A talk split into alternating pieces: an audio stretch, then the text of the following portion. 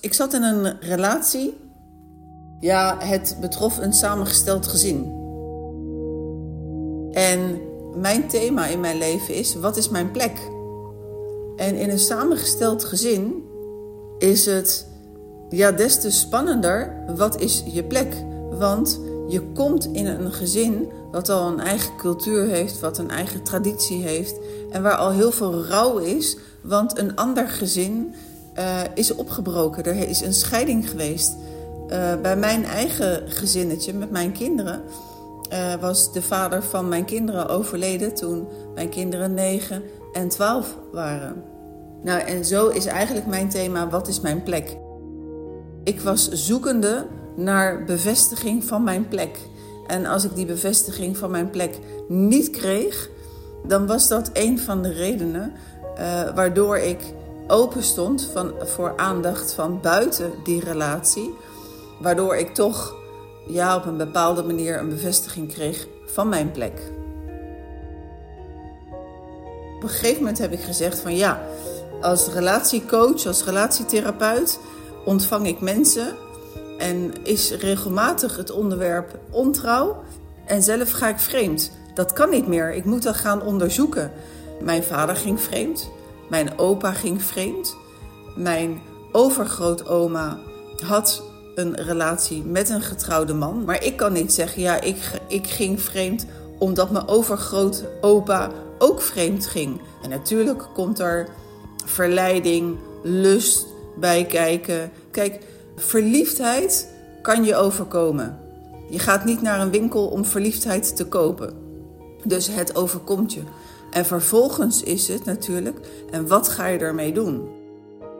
Als je daar uh, aan de voorkant met je partner over kan praten, van hé, hey, ik heb iemand ontmoet en ik merk dat zijn aandacht mij iets doet.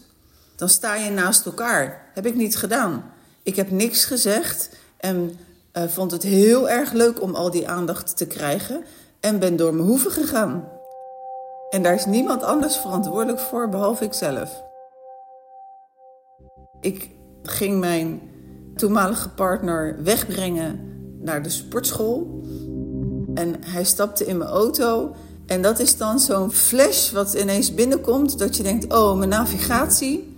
Want ik was dus ergens anders geweest wat ik niet verteld had.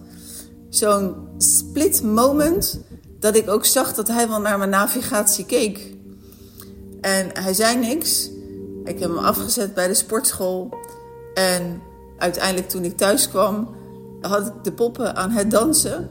Uh, want hij had gezocht waar dat adres was. En hij vroeg mij, waar ben jij geweest? En zeker is dat uiteindelijk een opluchting. Want ik vind mezelf een eerlijk en integer persoon, maar ik was wel aan het liegen. Dus dat past absoluut niet bij me. Daar voelde ik me echt niet goed onder. Ik vind, en daar zijn de meningen over verdeeld, maar ik vind wel dat je als relatietherapeut, net zoals dat je als docent, je hebt iets voor te leven. Ook net zoals ouders. Als je wil van je kinderen dat ze soep eten met een lepel, dan moet je niet zelf soep gaan eten met een vork.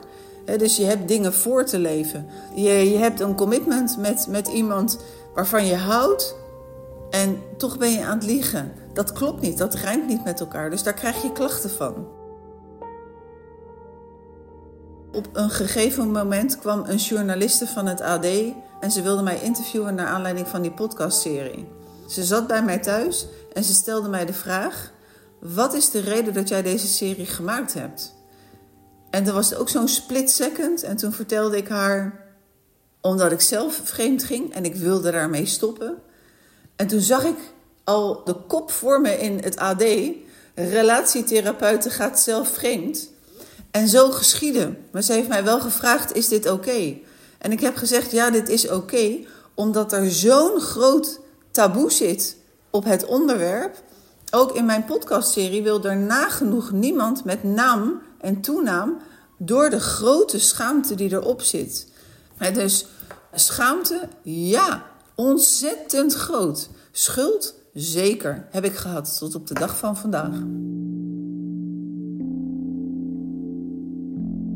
Als je start vanuit vreemd gaan, en ook weggaat bij je, die partners, dan is er om je heen een wereld van boosheid, uh, verdriet, rouw en alles wat bij boosheid komt kijken. En je denkt, oh, we zijn super verliefd, we gaan nu samen de toekomst in. Maar uiteindelijk word je ingehaald door al die krachten om je heen. Nou, voor mij is het belangrijk, het gaat niet om mijn verhaal, maar het gaat om het taboe te doorbreken. Het gaat erom om daar anders naar te kijken, om beter te communiceren met je partner. Dat is de reden dat ik mijn verhaal vertel. En met mijn hoofd zeg ik, dit gaat me niet meer gebeuren. Ik denk op de dag van vandaag dat ik met 100% eerlijkheid kan zeggen, ik ben ervan overtuigd dat het me niet meer gaat gebeuren. Maar never en nooit, die garantie kan ik niet geven. Maar ik denk wel dat ik op dit moment dusdanig gegroeid ben. Dat als ik aandacht zou krijgen van een ander en ik zou merken, dit doet mij wat. Dan hoop ik dat ik het lef heb en de ballen om het op dat moment te bespreken van... hé, hey, ik merk dat ik belangstelling krijg van die en die man. Dus als een soort van meldingsplicht hebben we dat ook afgesproken. Eh, het doet mij wat, kunnen we hierover praten? Want dan staan we samen, dan gaan we het samen aan. Dan mis ik misschien iets in de relatie, of ik zit niet zo goed lekker in mijn vel, of wat is er aan de hand. Maar als je het aan de voorkant kan bespreken, dan sta je samen naast elkaar. En dan ben ik niet in mijn eentje een afslag in het bos afgegaan en heb ik mijn partner achtergelaten.